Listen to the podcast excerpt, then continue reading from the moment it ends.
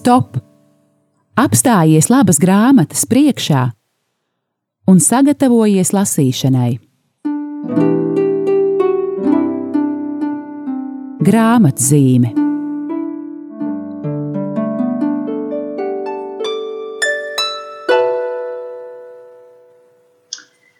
Lai slavēts Jēzus Kristus, esiet sveicināti, mīļie klausītāji, patiešām raidījums grāmatzīme. Un mans vārds ir Aija Balode. Es esmu no izdevniecības kā raksti, no Mieram tuva, tuvu izdevēja. Un, e, esmu priecīga, ka mēs šo, šodien raidījuma pirmajā daļā runāsim divatā. Ar mani sarunāsies un ar jums, klausītāji, arī mana kolēģe un draudzene Laura Feldberga. Sveika, Lauriņa! Labdien! Man liels prieks Lūk. atkal būt radio. Jā, patiešām man arī liels prieks un, un paldies arī Aijai no Radio Marija Latvijas studijas, jo pateicoties viņas starpniecībai, mēs varam sarunāties katra būdama e, citā vietā. Un šodien raidījumā grāmatzīme mēs gribam dalīties e, savā priekā gan par jauno decembra mieram tuvu izdevumu, par šo mazo grāmatiņu mēs sen raidījumā grāmatzīme neesam runājušas. Un savukārt raidījuma otrajā daļā pastāstīsim par to, kāds ir decembra mieram tuvu komplekts. Kā zināms, katru mēnesi mēs izceļam no saviem krājumiem kādu iepriekš izdotu grāmatu, bet par to mazliet vēlāk. Tātad pirmajā daļā, eh, jā, tiešām liels prieks ir iznācis mieram tuvu decembra izdevums. Un vispirms par to, kas jau tur ir tradicionāli eh, vērtīgs. Tātad ne tikai katrai dienai svēto rakstu lasījumi, eh, lūkšanas un pārdomas, eh, kas tiešām rada tādu ļoti vērtīgu garīgās dzīves špikeri, ja tā var teikt, katrai dienai. Jā, dzīvot kopā šo adventu laiku katru dienu sekojot baznīcas ritmam. Lūk, bet vienmēr mieram tuvu arī ir tādas īpašas sadaļas katram mēnesim, un jau tradicionāli tās ir mēneša svētais. Un, un šajā mēnesī ļoti interesants raksts par svēto Tomu Beketu, Un tiešām jūs būsiet pārsteigti to lasot, kur, kur rakstītāja Inese Šulžanoka, kā jau tas viņai ir raksturīgi, savēlk šo svēto kopā ar mūsdienām, runā gan par Alekseju Navainiju, gan par korupciju un citām šodien aktuālām lietām, bet to, tas viss rakstā par svēto Tomu Beketu. Lūk, un savukārt sadaļā mēneša liecinieks par uh, Baibu Vilciņu, kas ir kopienas Emanuēla ienesēja Latvijā. Tad mums ir arī tradicionāla sadaļa mēneša dziesma, kur ir vārdi un mūzika eh, Rahāda Dubras skaistai dziesmai, Mirgo sudrabots sniegs, ko mēs arī vakar visi pie, piedzīvojām Latvijā. Lūk, bet kas ir interesanti, eh, tātad decembrī eh, sākas baznīcas jaunais gads, Un e, man prieks, ka mēs šo baznīcas jauno gadu mieram tuvu varējām iesākt ar kādu jaunu sadaļu. Un šīs sadaļas dēļ arī esmu e, aicinājusi Lauriņu pieslēgties sarunai, jo Laura tā bija tava ideja, un paldies, ka tu nāci ar šo ideju un to arī īstenoji. Tad pastāsti lūdzu par šo jauno sadaļu, kas mums mieram tuvu tagad būs. Un jau ir. Jau ir. Pirmo reizi decembrī mums ir jauna rubrika ar nosaukumu Mēneša mākslas darbs. Varbūt uh, vērīgākie mūsu lasītāji, kas uzmanīgi skatās mieram tuvu vākus, uh, būs pamanījuši, ka decembra vāks nedaudz atšķiras. Um, Tas nav varbūt tāds izšuvums, kā mēs esam pieraduši redzēt iepriekšējos diezgan daudzos gados, kas ir tādi klasiski um, mākslinieciski izšuvumi no liturgisko tērpu kolekcijām. Īstenībā tas zīmējums, kas ir uz mieram tuvu vāka, arī tas ir uz tekstīlijas. Un arī tas ir priestera liturgiskais tērps, tikai šoreiz darināts jau mūsdienās, un to ir darinājusi mūsdienu māksliniece Janta Meža. Pabeidzot Latvijas Mākslas akadēmijas maģistratūru savā diploma darbā, viņa izvēlējās pievērsties liturgiskiem tērpam. Un šo vienu īpašo priestera tērpu viņa tiešām ir radījusi kā mākslas darbu, apvienojot tajā uh, gan uh, baznīcas um, tradicionālo ikonogrāfiju, gan arī pievienojot kādus mūsdienīgus elementus. Un, uh, kad es uzzināju par šo te, um, īpašo tērpu, uh, tas bija tāds milzīgs pamudinājums um, sazināties ar pašu autori un aicināt, vai mēs drīkstam izmantot viņas šo darbu uz mieram tuvu vāka, un viņa arī atsaucās. Un tad jau saslēdzās tāda varbūt vairāku gadu iecerē mums mieram tuvu komandā, ka um, mēs varētu noformēt šo mazo izdevumu ar mākslas darbiem. Un turklāt ar mākslas darbiem, dažādiem, gan klasiskiem, um, iepriekšējos gadu desmitos un pat simtos radītiem, bet arī ar mūsu laika mākslinieku darbiem. Un tā radās ideja šai jaunajai rubrikai, jaunam noformējumu veidam, stāstīt cilvēkiem par to, kā mākslinieki rada darbus, kuros ir klātesoša arī šī garīgā dimensija, un pastāstīt par pašiem māksliniekiem, par darbu, un arī izmantot mieram tuvu vāku, lai iepriecinātu mūsu lasītājus ar kādu īpaši skaistu un vērtīgu mākslas darbu. Lauriņa, man pašai vēl nav bijis tas prieks redzēt šo grāmatiņu dzīvē, jo es tikai pagaidām esmu at, attālināti redzējusi bildīti no biroja un, protams, savā datorā maketā, bet tu jau redzēji dzīvē grāmatiņu, un es saprotu, ka tev jau arī tā grāmatiņa ir rokās, ja?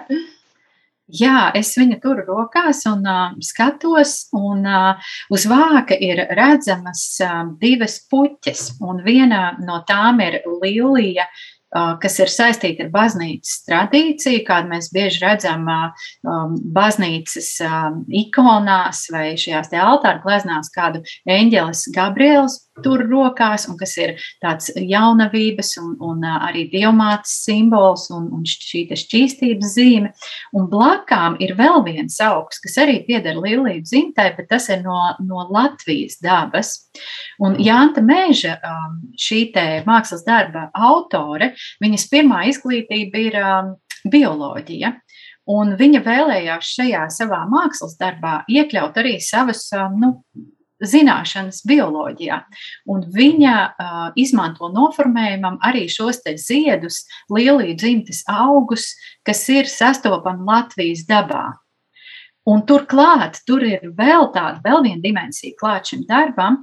Uh, varbūt arī lasītāji pamanīs, uh, uz, uz vāciņa vietām parādās tāds tā kā rokrakstā, kaut kas rakstīts. Un tie ir uh, dziesmu teksti, kurus Jānta Mēža ir izvēlējusies. Viņa pati ir arī dziedātāja um, tradicionālās dziedāšanas kopā saucējas. Un, un lūk, viņa arī par savu iedvesmas avotu ir ņēmusi vienu no tautas uh, tradīciju, uh, tradicionālā veidā uh, dziedošas uh, sievietes, kura ir uh, kā mūža laikā dziedājusi gan šīs tautas dziesmas, gan arī garīgus, garīgās baznīcas dziesmas.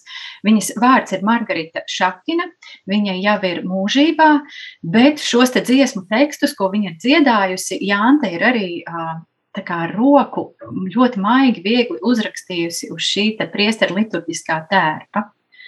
Un vēl būtiski, ka šādā veidā viņi ir mēģinājuši tajā vienā tērpā savienot to laicīgo tautas tradīciju ar garīgo baznīcas tradīciju. Līdzīgi kā tas mūsos, varbūt jo īpaši Latvijas cilvēkos savienojas, ka mēs sevī nesam gan šo te latvietību, gan universālo kristietību, un, un tas var vienā cilvēkā sadzīvot līdzās. Laura, liels paldies tev gan par šo stāstījumu, gan arī vispār par šo ieceri, par mēneša mākslas darbu un par to pirmo eh, realizāciju tagad, decembra izdevumā. Katrā ziņā man te jāteic, es ieliku ziņu gan par mieram tuvu komplektu, gan par šo raidījumu grāmatzīmi Facebookā, un tad jau tie pirmie daži cilvēki, kas to ziņu bija e, izlasījuši, jau tur daži komplimenti ie, iebira, cik skaists ir decembra vāciņš. Tā es ceru, ka tiešām, un tas ir tātad, nu, man prieks, ka ne tikai skaists un arī skaists, paldies Dievam, bet arī ir šis raksts par mēnešu mākslas darbu, arī tiešām kāda informācija un arī tiešām tāds pamudinājums, lūk, ka, um, jā, ka prieks, ka, me, ka mēs slavējam Dievu arī caur mākslas darbiem tagad savā grāmatiņā. Lauriņ, liels paldies tev, tad tiešām, lai iedvesma meklēt nākamos mākslas darbus un lai mums kopā šī iecer izdodas un tiešām ir tāds vēl viens, vēl viens skaista detaļa mūsu mieram tuvu grāmatiņā. Lūk, klausītāji, tā bija Laura Feldberga, kas mums pastāstīja par decembra grāmatiņas mieram tuvu noformējumu, un man prieks, es redzu, ka mums ir sarunā tikmēr e, e, pieslēdzies vēl viens runātājs, bet ar viņu mēs sveicināsimies pēc mazas mūzikas pauzes. Uz tikšanos!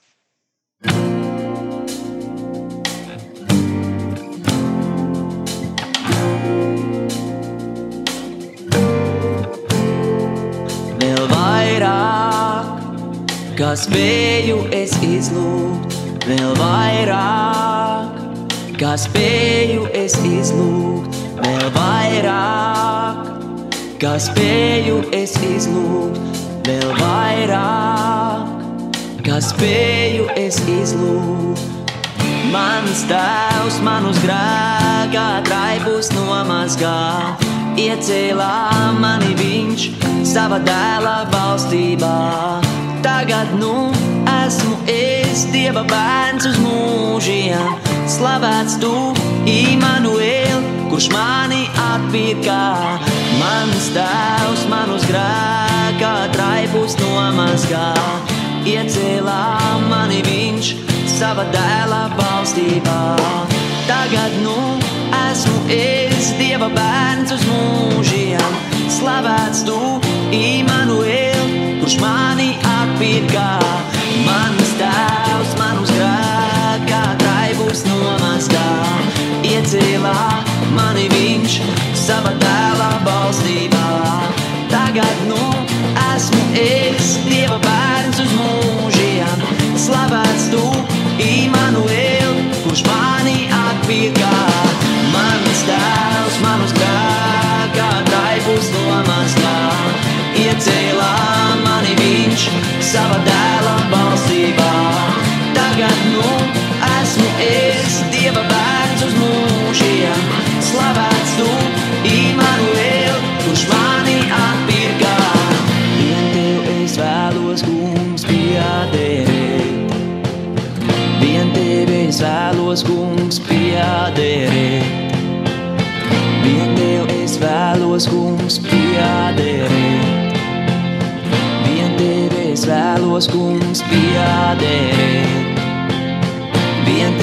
es vēlos, kungs, piederēt.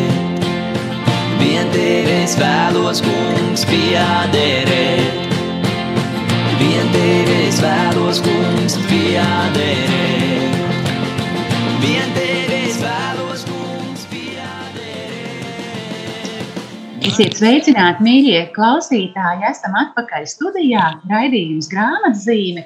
Un šodien mēs runājam par mieram tuvu pašu izdevumu un par mieram tuvu decembra komplektu. Ko tas nozīmē? Tas nozīmē to, ka mēs ik mēnesi izvēlkam no savas uh, izdevniecības krājumiem kādu īpašu pēļu, kādu īpašu grāmatu un piedāvājam to kopā ar decembra, ar konkrētā mēneša mieram tuvu izdevumu, mudinām e, tos, kuri vēl nav paspējuši šo grāmatu iegādāties un, protams, lasīt.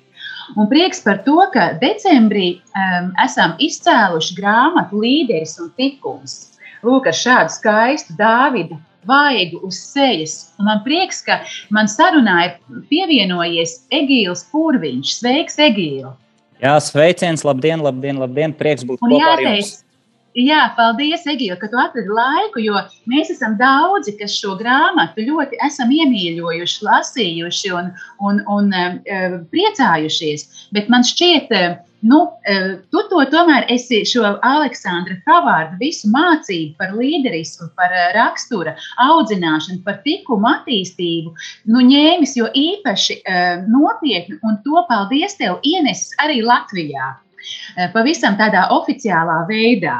Lūk, vai tu vari divos vārdos par to pastāstīt?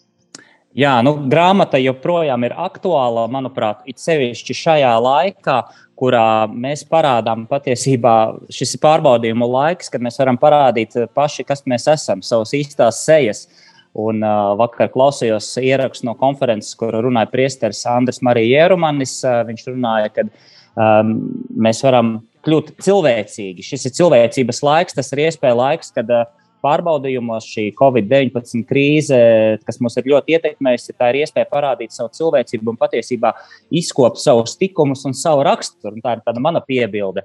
Līdz ar to es arī mm, pēdējā laikā pāršķirstu šo grāmatu, gatavojoties kaut kādām nodarbībām vai sarunām, jo tur ir tie domu graudi, ko, man liekas, Aleksandrs Havards ir iedevis, kas ir tik ļoti fundamentāli, kas parāda, jo kāds ir grāmatas vēstījums. Grāmatas vēstījums ir nevelti šis Dāvids ir uz, uz, uz vāka, tas ir tas viscilvēcīgākais, tāds dieva iemīļotais.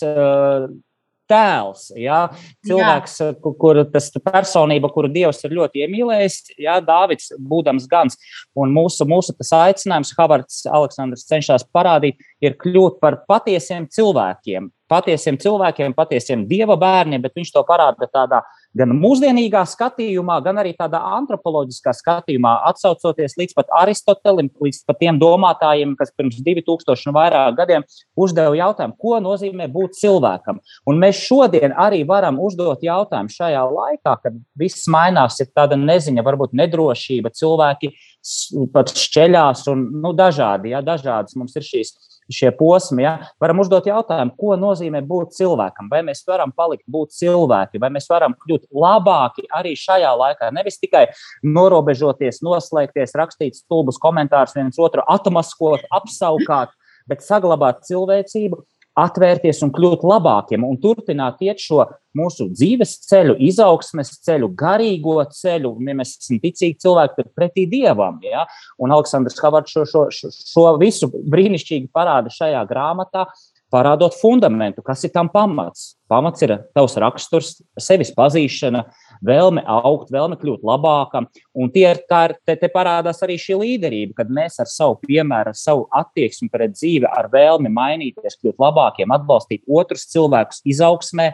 Uh, cilvēcībā, labestībā, draudzībā, tuvāk mīlestībā, žēlsirdībā. Jo tā ir žēlsirdības patiesībā kultūra, kas mums ir visvairāk šobrīd vajadzīga. Viņš parāda, kā šo ceļu iet, vai vismaz tādas norādes, impulsus iedot. Tā kā Nu, es domāju, ka ļoti aktuāla grāmata. Jā, tieši tā. Varbūt es tādu vēlreiz uzsvēršu tādiem, kā saka, lielākiem burtiem tieši to uh, grāmatas virsrakstu un apakšvirsrakstu, jo būtībā tur jau arī tas, uh, tā saka, vēstījums ir ierakstīts. Līderis un tikums ceļš uz personas pilnību. Proti, ka šī nav grāmata, kas pateiks, vai tu esi līderis, vai arī, oi, diemžēl, tu neesi līderis. Ja? Ka šī ir grāmata par to, kā mēs, mēs esam katrs tas līderis. Mēs esam katrs aicināti uz to savas personas pilnību. Lūk, tas tā nav grāmata par to, lai kāds izlasītu, ah, nē, es diemžēl neatbilstu. Tad, nu, līderi ir tie, kas ir priekšplānā, kuriem ir īpaša harizma vai kādas īpašas dāvanas.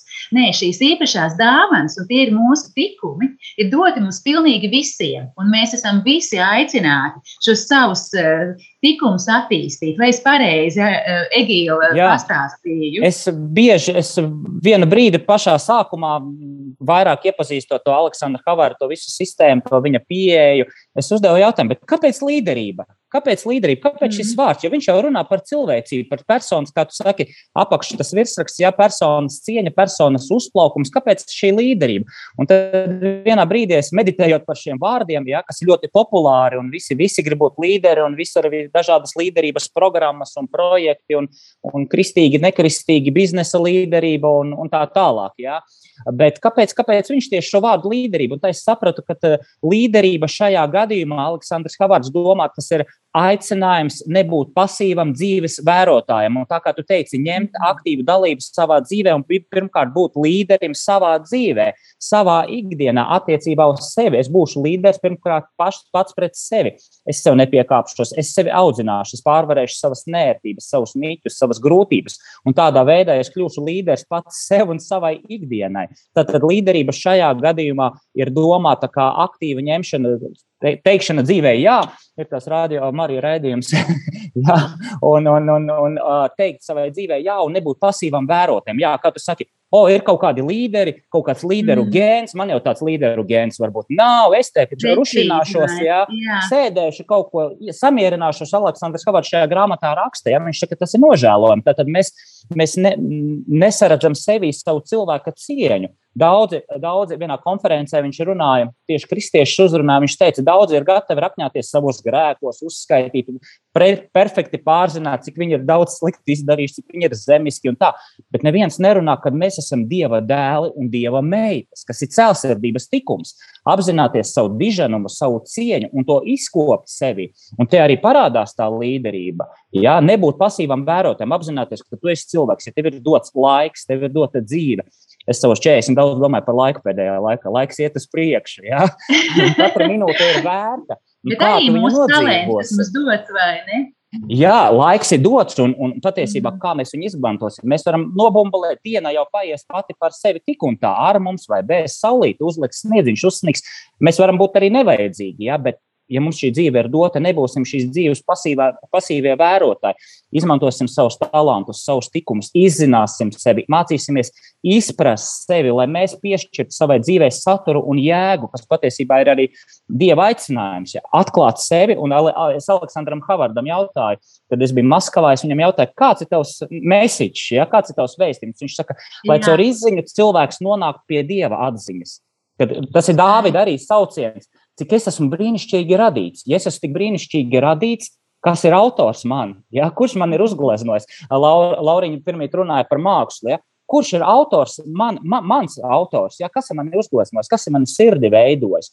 Un tu meklē, tā ir sevis izziņa, tā ir rakstura izzināšana, tādā uh, patiesības un mīlestības gaismā. Nevis uh, sagrābstīties kaut kādas tehnikas, metodes, jā, bet tik un tā tu nezini, kas tu esi. Nē, pazīt sevi, ah, man ir raksturs, man ir tikums Mans, man ir prāts, man ir sirds, man ir gribas, šīs, šīs cilvēciskās spējas, kā es viņus varu pilnveidot, vai es kļūšu labāks. Tie ir tie jautājumi, kurus uh, caur likumisko līderību mēs varam risināt, iepazīt. Tas nenozīmē uzreiz celt Manhetenā divus torņus vai veidot uzņēmumus pa pasauli. Ja? Tā ir cita, tā ir biznesa līderība, bet mēs runājam par cilvēcisko līderību, kad mēs esam uh, aktīvi dzīves, uh, teiksim tā, dalībnieki, nevis vērotāji pasīvi.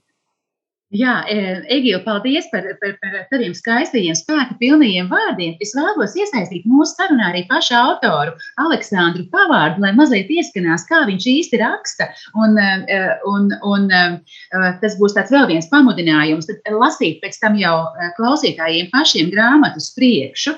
Un līderisms tas ir raksturs. Autors raksta, un viņš saka tā, Tikai pavirši raugoties, līderisma jēdziens atbilst tam, ko ar to parasti saprotam. Dzirdot šo vārdu, mums nāk prātā valstu vai valdību vadītāji, kas mudina tautas darboties, rūpniecības magnāti, kas piepilda tirgu ar precēm, kuras mainīs mūsu dzīvi, ģenerāļi, kas ved kaujā armijas. Var likties, ka līderisms veidojas no ambīciju, harizmas, viltības, zināšanu un naudas resursu sajaukuma kam vēl pievienota prasme atrasties īstajā laikā, īstajā vietā. Jā, tie ir talanti, īpašības un resursi, ko līderis var izmantot, taču nekas no nosauktā neveido līderisma būtību. Vai līderisms ir rakstura īpašība? Nē, līderisms ir raksturs. Pastāv uzskats, ka ir jāpiedzimst ar spēju vest aiz sevis citus, ka dažiem ir ķēriens uz to, bet citiem nav, ka līderismu lielā mērā nosaka tas, kā apvienojas temperaments un pieredze. Ne katrs var kļūt par Rooseveltu, De Gaulle vai Čērčilu, dzird sakām. Tomēr nekas nav tālāk no patiesības, kā šādi ieskati. Līderisms nepiedara elitei. Tas ir nevis dažu izredzēto, bet gan daudzu aicinājums. Lūk, būtībā tas pats, ko tu jau skaisti sacīji, vienkārši man gribējās, lai autors pats arī ierunājas ar saviem vārdiem mūsu sarunā. Nu, tik skaisti, cik autors es nepateikšu. Nē, Egīla, tev arī ļoti labi sanāk. labi, labi, labi. Jā. un, un, jā, līderis un tikums um, Tātad par līderi mēs jau parunājām, un tagad man gribās druskuļi vēl par to tikumu. Es vienkārši domāju, kā tas tā ir noticis, ka tam vārdam tikums ir nu, zināmās sarunās vai zināmās aprindās, nu, teju tā kā tāds gandrīz tāds. Nu, nu tāds tā kā nu, nicinošs, kaut kāda pieskaņa, ja? lai Jā. gan tikums, un ļaujiet man nolasīt, varbūt šos tikumus, par ko tad nodaļās pēc tam autors vairāk runā. Cēlsirdība, ko tu jau Egīli pieminēji, pazemība, apdomība, drosme, mērenība, taisnīgums un tā tālāk. Tik lielas, fantastiskas dāvanas, kas mums visiem dotas un ko mēs visi esam aicināti attīstīt. Man šķiet, un paldies, Egīla, ka tu to dari, ka tu esi viens no tiem, kas tiešām tā kā atjauno šo šī jēdziena tikums, nu, to īsto nozīmi un to, nu, to bagāto nozīmi, to skaisto nozīmi, kas šiem tikumiem ir. Jā, bet uh, pareizi tu iezīmēji, ka uh, nu, tāds novērojums arī man, ceļš strādājot ar jauniešiem kaut kādās tikšanās lekcijās vai, vai, vai nodarbībās, ir tā, ka jauniešiem tiklīdz uh, tu sāc pasaki, uh, tu runās par tikumiem, ja, viņi tā kā satrūkstās. À, Tātad es runāšu par kaut ko tādu, vai cik meitenes īsus svārciņus drīkst vilkt, vai, vai, vai, vai drīkst puisis dot meitenei, meitenei rociņu vai bučiņu uz vaiga, vai arī tieši es norādīšu kaut ko par baznīcu uzreiz. Ja? Un vēl saistībā ar līderību apmēram tāds jautājums, kas tas par sviestu, likumiskā un līderība, ja? kā tas vispār iet kopā. Ja? Jo ir kaut kāds tiešām tāds priekšstats, ka likumisks saistās vai nu ar tiklību, ar šķīstām attiecībām, ar šķīstu tādu uzvedību, ja? vai, vai kaut kas ar baznīcu, kad tuņās es bakstīšu kādam par grēciņiem, norādīšu, ka es zinu viņu grēciņus, un to mēs sāksim ķidāt. Ja? Bet tas ir tāds aizgājis, es pat nezinu, kāpēc tā ir aizgājis šis senvārds, skaistais patiesībā vārds, jo mums cita vārda nav. Krieviski, piemēram, ir uh, dabra ģeķeļi un. Ravstvenes tā ir likumība, dabra ģeķeļi ir tieši tikumi. Un es Havardam jautāju, viņš teica, ka runājot par dabra ģeķeļi un ravstvenes, ir skaidrs, ka runa ir par raksturu. Mums savukārt neveidojas tāda izpratne. Mums, mums visi šādi šķīvi greizi priekšstati par tikumiem runājot, um, kas katram ienāk prātā. Savukārt Manuels Fernandes Viņš pēta, viņš pēta šos jautājumus tādā pedagoģijas līmenī, ar skolotājiem strādā. Viņš saka, ka moderni tagad teikt, ir rakstura morāli ieradumi. Ja? Tad cilvēki saka, apmēram, jā, jā, tas ir tā, tā tikums, nu, tas tāds, jā, senvārds, kuru īsti neviens nevar atkodēt vairāk, ja? bet rakstura mhm. morāli ieradumi vai rakstura labākās īpašības, kas tevi spēj padarīt laimīgu. Ja? Tad cilvēks, oh, jā, es gribu būt laimīgs, tad Laimīgi kas man tur jādara? Visi, kā zinās, jā, jā, jā. jā, tā laimes industrija arī strādā, ja? visi, visi, visi grib būt ļoti laimīgi, ja? ļoti bagāti un ļoti laimīgi. Ja? Bet, ja, ja tad, tad šie rakstura morāli ieradumi, ja? tad, tad tas ir kaut kas jau tāds, ah, morāli, tad, tad man jākļūst labākam. Nu, apmēram tās priekšstats rodas. Jā, bet, diemžēl, pats vārds tikumi, tas, tas ir tāds, iet, iet, iet no ārpuses. Es tiešām mazliet turos pret, es arī nodarbībās, lekcijās saku, ka es ir šie divi varianti, bet es izmantošu vārdu tikumi. Ja, tad klausītājiem ir jāpiecieš mm, šis, šis, šis nērtais vārds tikumi, ja, kurš asociēs katram ar savu. Egīla, es tev varu tikai piekrist, jo man arī šis vārds tikumi ļoti patīk. Man šķiet, arī šī grāmata, līderis un tikums, mm. nu, e, tā ļoti, kā saka, promotē tikumus, ja, kad atkal pie tiem atgriezies, tad nekautrēties tieši otrādi lepoties ar to, ka mums visiem ir šie tikumi Jā. un mēs esam visi aicināti tos attīstīt. Jo autors jau par tas ir, tā, būtībā tā jau ir šī viņa līderisma tā recepte, ka izkoptie, attīstītie tikumi arī mūs dara par šiem līderiem pašiem, kā tu Jā. teici, pirmkārt pašiem savā dzīvē. Jā, tieši, tieši jā, tas ir tas raksturs. Un, un, un kad tu paskaidro cilvēkam, tad, jā, tad viņš saprot, ah, redz, kā man jāstrādā ar savu raksturu.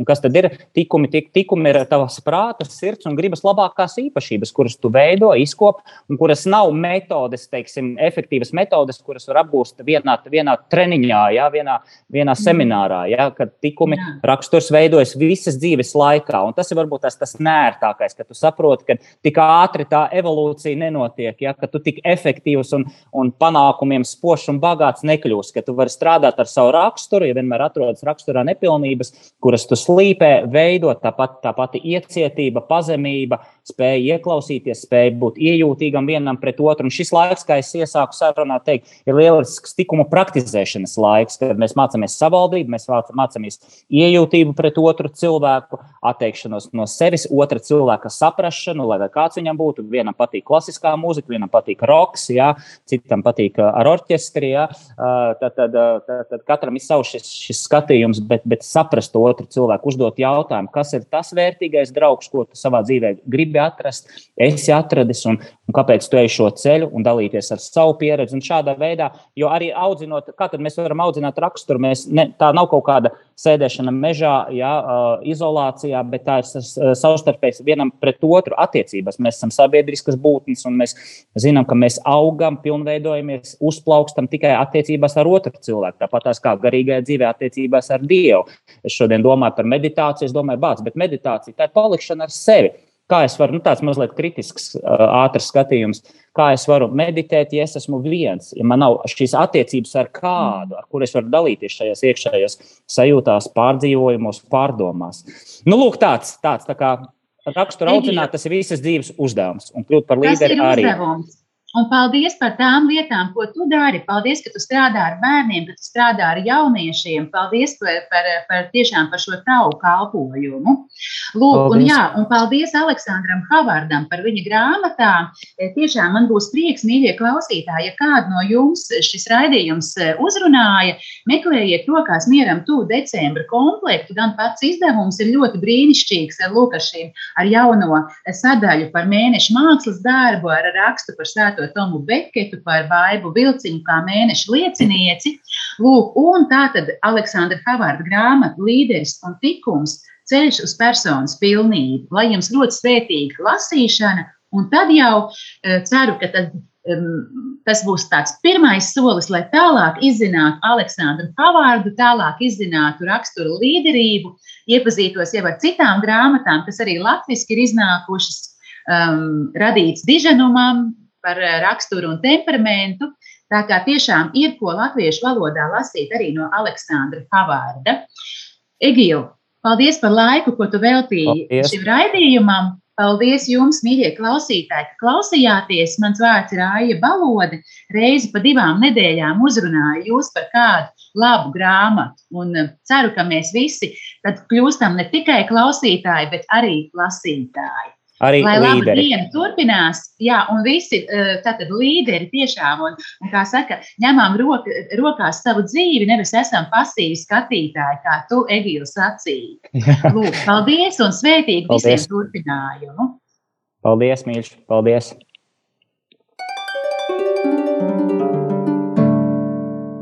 Stop! Apstājies labas grāmatas priekšā un sagatavojies lasīšanai. Grāmatzīme